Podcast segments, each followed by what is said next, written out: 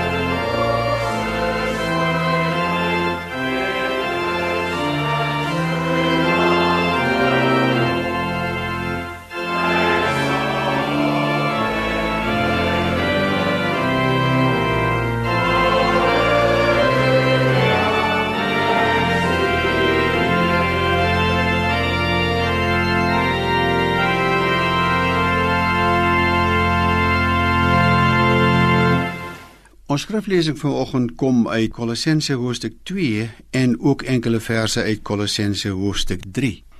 Voordat ons dit doen, kom ons buig ons hoofde en ons bid saam. Ons Vader, ons dankie dat ons U vanmôre kan aanbid as die God wat vir ons in hierdie jaar gedra het. Ons bely dat uit U en deur U en tot U is alle dinge. Aan U behoort die heerlikheid nou en tot in ewigheid. Ons dankie dat U in hierdie jaar so dikwels met ons gepraat het deur U woord in eredienste in ons binnekamers en op so baie ander maniere. Ons dankie dat ons ook ver oggend die Bybel mag oopmaak aan die einde van hierdie jaar en bid dat U wat in ons lewens aanwesig was en is, dat U ook vanmôre deur hierdie Bybelboek met ons sal praat en ons lewens sal verryk. Aan U bring ons die eer vir nog 'n jaar onder U sorg en liefde. Wil U dan vanmôre met ons praat? U kinders luister. Amen. Kolossense hoofstuk 2, ek lees vanaf die 6de vers en dan ook enkele verse uit Kolossense 3 vanaf die 12de vers. Kolossense 2 vers 6. Aangesien julle dan Christus Jesus as Here aangeneem het, moet julle in verbondenheid met hom lewe, in hom gewortel en op hom gebou, vas in die geloof soos julle geleer is en met dankbaarheid vervul. Vers 13 Julle was dood deurdat julle gesondig het en deurdat julle sondige natuur nog nie weggeneem was nie. God het julle egter saam met Christus lewend gemaak deurdat hy ons al ons sondes vergewe het. Hy het die skuldbewys met sy eis teen ons tot niet gemaak. Deur dit aan die kruis te spyker, het hy dit vergoed weggeneem. Hy het die bose magte ontwapen en hulle in die openbaar vertoon deur hulle as gevangenes in die triomftog van Christus mee te voer. Kolossense hoofstuk 3 vers 12 Julle is die uitverkore volk van God wat hy baie liefhet En daarom moet julle meer lewend, goedgesind, nederig, sagmoedig en verdraagsaam wees. Wees geduldig met mekaar en vergewe mekaar as die een iets teen die ander het. Soos die Here julle vergewe het, moet julle mekaar ook vergewe. Bo dit alles moet julle mekaar lief hê. Dit is die band wat julle tot volmaakte eenheid saambind. En die vrede wat Christus gee, moet in julle lewens die deurslag gee. God het julle immers geroep om as lede van een liggaam in vrede met mekaar te lewe. Die teks vir die prediking vanoggend is veral hoofstuk 3 vers 13: Wees geduldig met mekaar en vergewe mekaar as die een iets teen die ander het, soos die Here julle vergewe het, moet julle mekaar ook vergewe. Ek lees ook Kolossense 2 vers 14 weer 'n keer. Hy het die skuld bewys met sy eise teen ons tot niet gemaak deur dit aan die kruis te spyker, het hy dit vergoed weggeneem. En dan lees ek ook vir u die woord wat Jesus volgens Matteus 6 gesê het in Hoofstuk 6 vers 14: As julle ander mense hulle oortredings vergewe, sal julle hemelse Vader julle ook vergewe. Maar as julle ander mense nie vergewe nie, sal julle Vader julle ook nie julle oortredings vergewe nie. Ek wonder wat nou op hierdie dag van die jaar deur jou gedagtes gaan. Hoopelik 'n klomp dankbaarheid vir die wonderlike dinge wat in die jaar gebeur het. Suksesse, kinders wat weet goed gegaan het in 'n eksamen, 'n student wat hoë punte behaal het en baie ander prestasies wat 'n mens mos nou in 'n lang jaar soos hierdie aan terugdink. Maar daar is waarskynlik ook mense wat aan negatiewe goed terugdink. Die jaar was vol van baie negatiewe ervarings. Ekonomies op die terrein van misdaad en geweld is dit 'n jaar wat gelaai was met baie emosies. Plaasmoorde, naby mense wat seer gekry het deur kapings en wat is meer sê ek weet nie wat alles in jou geheue lê nie. Maar een ding weet ek wel en dit is dat as 'n mens nou nie 2017 vandag gaan klaar maak en los waar hy hoort as deel van die verlede nie dan het alle verledes wat nie verwerk is nie die vermoë om 'n mens redelik lank vas te hou. En toe ek nou amper 6 maande gelede moes begin nadink oor hierdie diens was verskillende tekste met my besig. Soos wat dit met ons as dominees gaan, 'n teks begin met jou werk en op 'n dag vat daai teks jou kansel toe. Maar hierdie ene het my nou vanmôre kansel toe gebring. Ek het 'n hele paar ander tekste oorweeg Maar hierdie een wou my nie los nie. As die een teen die ander 'n klag het, verdra mekaar en vergewe mekaar. Soos die Here julle vergewe het, so moet julle ook mekaar vergewe. Ek het sommer 3 slagspreuke met my saamgebring vanmôre van bekende mense, een onder andere van oud-president Mandela. Vergifnis maak jou menswees vry. Om dit vas te hou maak jou nie sterk nie, net bitter.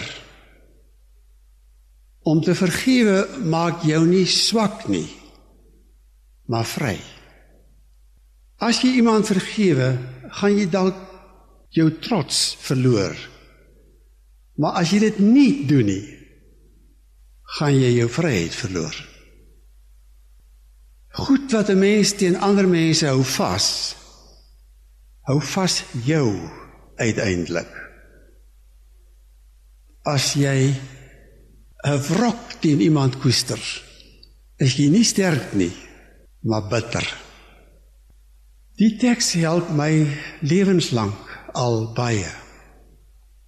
Wat my veral in die teks besig hou is hierdie laaste sinnetjie soos die Here julle vergewe het so moet julle mekaar ook vergewe.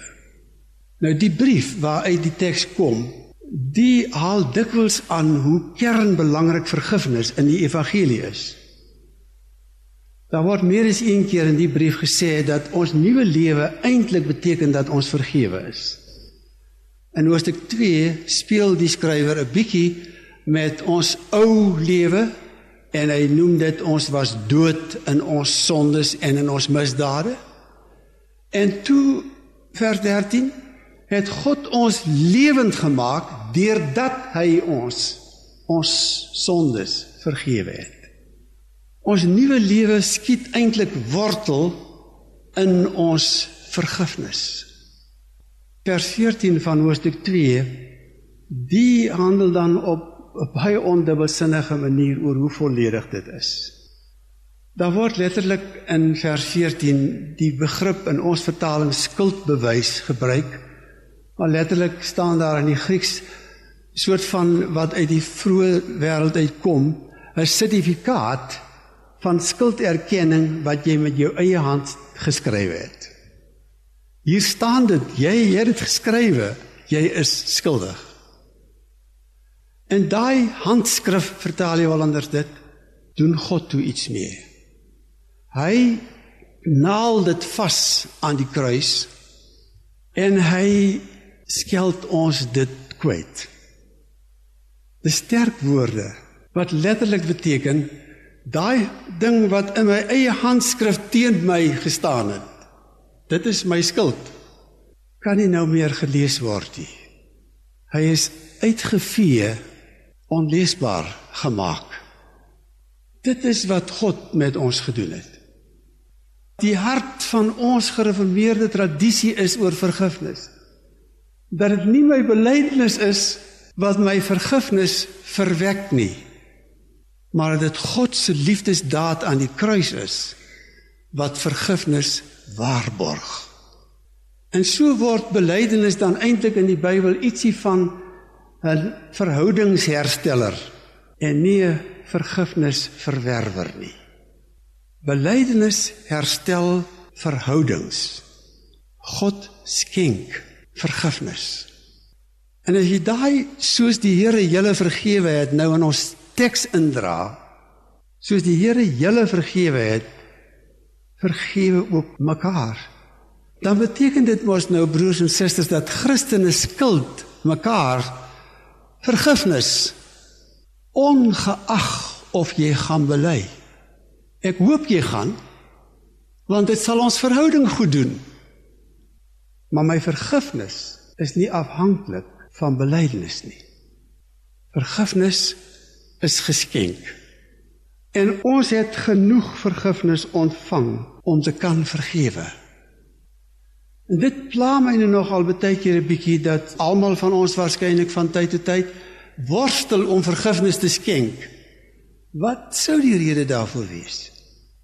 Is dit dalk 'n misverstand oor die grootheid van wat ons vergewe is? Kan jy onthou in Matteus 18 kom die disippels na Jesus toe en sê: "Here, hoe dikwels moet ek my broer vergewe? Tot 7 maal toe?" En dan sê Jesus in vers 21 en verder: Nee, ek sê vir julle tot 70 maal 7 toe. Wat net eenvoudig beteken jy vergewe. En dan staan daar 'n sinnetjie wat iets van ons andersoortigheid in hierdie wêreld as Christene vertolk. Want in die koninkryk werk dit 'n bietjie anderster. En hy vertel die gelykenis van 'n koning wat op 'n dag die boeke oopgemaak het. En hy kry iemand wat hom miljoene rand skuld. En hy sê betaal. En die man pleit. En die koning sê kwyt geskeld. Uitgewis. Ons Kolossense teks. Hy stap daar uit en in plaas van dankbaarheid kry hy op die trappe van die paleis 'n ou wat vir hom 'n paar rand skuld. En hy gryp hom voor die bors en hy sê ek gaan jou in die tronk stop totdat jy betaal het. Weet jy, dis 'n vreemde dialektiek. Ek kry ook daarmee swaar net soos jy, maar hierdie goed hoort by mekaar. Jesus sê in Matteus 6 as julle dit nie doen nie, dan staan julle skuld As julle nie vergewe nie, dan sê julle eintlik ek ken nie vergifnis nie. Wat ernstig is, sou jy dan dink jy's onskuldig. Ek hoef ons nou nie vir u te sê dat ons in hierdie land swaar kry daarmee nie. Die pyn van seer maak dit moeiliker om te vergewe. En dan dink jy jy is sterk deur 'n wrok te hou vas. Jy's nie sterk nie, jy's bitter. En as jy vergifnis sou skenk, is jy nie swak nie. Jy's vry. As jy nou dalk in die week 'n okasie het om te luister na wat ek probeer om by die oggend en aand oordenkings oor oor Kolossense 3 te deel en volgende Sondag aand by die ateljee diens oor Kolossense 3 vers 17. Dit staan alles in die verband van hoe nuut ons is. Daar staan in Kolossense 3 dat God het ons 'n nuwe lewe gegee Hierdie lewe is in Christus. En Kolossense gebruik 'n ou metafoor om te verduidelik wat dit beteken. Ons hulle het geglo as jy begrawe word, is jy weggesteek in die aarde. En daai ding word nou gebruik vir ons. Ons is weggesteek in Christus. En hoe meer ons ons nuwe lewe leef, hoe meer kom dit tevore dat ons eintlik 'n Christus lewe leef. En dit maak dan ons teks soveel sterker soos die Here julle vergewe het. Want dis daai nuwe lewe wat julle in hom het om te doen wat eintlik menslik onmoontlik is om te kan vergewe want jy is vergewe. Jy het genoeg ontvang om weg te gee. En nie as dit ware in bitterheid te begin sit te wag dat iemand sal kom sê ek is jammer, ek is jammer, ek is jammer en dan het jy nog altyd die voorreg om te sê jy's nie jammer genoeg nie vroeër in die jaar in November is in een week twee enorme hofsaake in hierdie land besluit. En iemand stap uit een van die hofsaake uit en in 'n kort televisiegesprekkie geregtigheid het hier geskied, maar ek sal hom nooit vergewe nie. En ek verstaan die seer. En hoe geregtigheid moet geskied vir onreg is mos nou nog 'n vraag waaroor baie lank nagedink moet word. Maar die punt van ons teks is terwyl geregtigheid geskied, is ek nie vry as ek nie vergewe nie. As 'n mens so lank met die evangelie besig is wat die Here my gun, dan hoor jy daar baie mooi verhale. Sal ek hom ooit vergeet nadat hy vir jare 'n stuk geheim gedra het? En op 'n dag daarmee uitkom en uiteindelik in hierdie verhouding met die Here oor 'n ding wat hy gedoen het kom sê ek is jammer. Ek haal letterlik aan. Dis asof 'n band om my borskas los is. Ek kan weer asemhaal. Vergifnis maak vry. En jy beleef die vryheid wanneer jy dit skep. Sy roep my na 'n preek sommer nou die dag in hierdie jaar van die reformatie vieringe oor Christus. Ek dink dit gaan seker 'n moeilike gesprek wees, maar toe sy begin My ma is op 'n plaas vermoor. Ek het alles vergewe. Maar een ding moet jy my mee help vanmôre. Weet sy wat op hierdie stikkende land van ons aangaan want dit sal nie vir haar lekker wees nie. Vergifnis laat jou ander vra vra. En totdat jy dit skenk, is ek eintlik die gevangene. Ek weet nie waaroor u vandag dink nie. Ek hoop baie mooi goeders. Ek hoop 2017 kan afgesluit word in jou lewe met danksegging. Maar as daar dalk skuld lê, sê dit vir die Here. Want hy het dit uitgewis. Sê iemand eendag wat deur 'n pynlike abortus gegaan het. As jy met die Here daaroor praat, sal hy mos nou eintlik vir jou sê van watter abortus praat jy nou? Hoekom onthou ek dit dan nie meer nie? Want die kruis het dit toegemaak. En as jy dalk hierdie jaar moet vry afsluit met 'n klomp vergifnisse wat jy moet skenk, doen dit nou nou saam met my as ek bid. Ek gaan dit waag sê in die gebed dat ons mekaar vergewe. Natuurlik is daar ook mense wat vir ons moet vergewe. En as jou belydenis dan uitstaande is agterstallig en dit is darm nou eers so 39 maak dit vandag nog reg. Belydenis is nie 'n vergifnisverwerwer nie. Belydenis is 'n verhoudingshersteller. Sê dan ek is jammer. As iemand 'n klag teen iemand het, verdra mekaar. Dis net deel van julle nuwe menswees. Vergewe mekaar. Soos die Here julle vergewe het, so moet julle ook doen. Amen. Kom ons bid saam. Hemelse Vader, ons wil 2017 voor U kom neerlê. 'n Loflied bring vir alles wat mooi was vir al die suksesse en al die prestasies, vir al die vreugdes in gesinne, in families, in boerderye in die wêreld in ons land. Maar liewe Here, ons kom ook vanmôre voor U 'n jaar bære wat sy kwota van hartseer gehad het. Die pyn van verlies, die verskriklike worsteling van moord en roof en aanranding en vernedering. Ons bring dit voor U, Here, en vra vanmôre dat U wat vir ons 'n nuwe lewe geskenk het deur ons eie vergifnis, dat U dit vir ons deur die Heilige Gees moontlik sal maak om vanmôre te vergewe as daar iemand is teen wie ons 'n klag het. Liewe Here, ons bring ons land na U toe en kan nie anders as om te bid vir 2018. Grote God, beskerm ons. Lei ons en help ons om iets van u koninkryk sigbaar te maak. In Jesus se naam. Amen.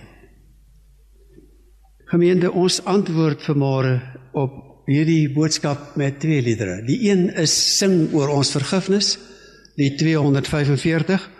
Ons gaan al drie sy strofes sing en daarna terwyl jy bly staan, gaan ek die laaste antwoordlied aankondig. Lied 245, die eerste, die tweede en die derde strofe.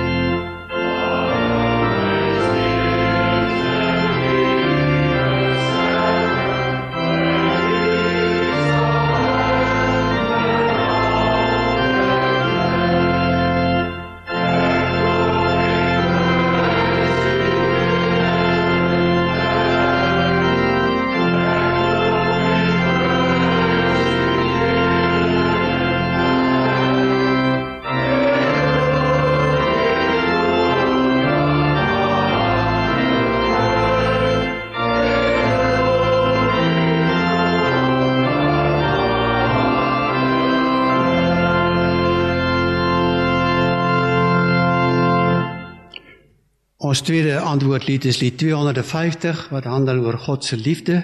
God se wet vra van ons liefde. Die vyfde strofe laat ons welvoeglik lewe geheilig deur die Gees, beklee met U Here Jesus, gekruisig na die vlees.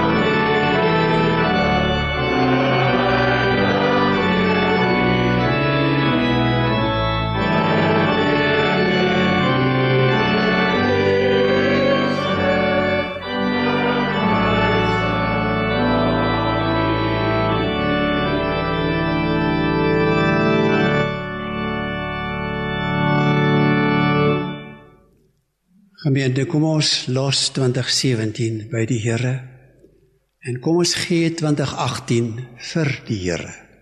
Wetende dat die genade van die Here Jesus die Christus, die liefde van God, die gemeenskap van die Heilige Gees gaan met u.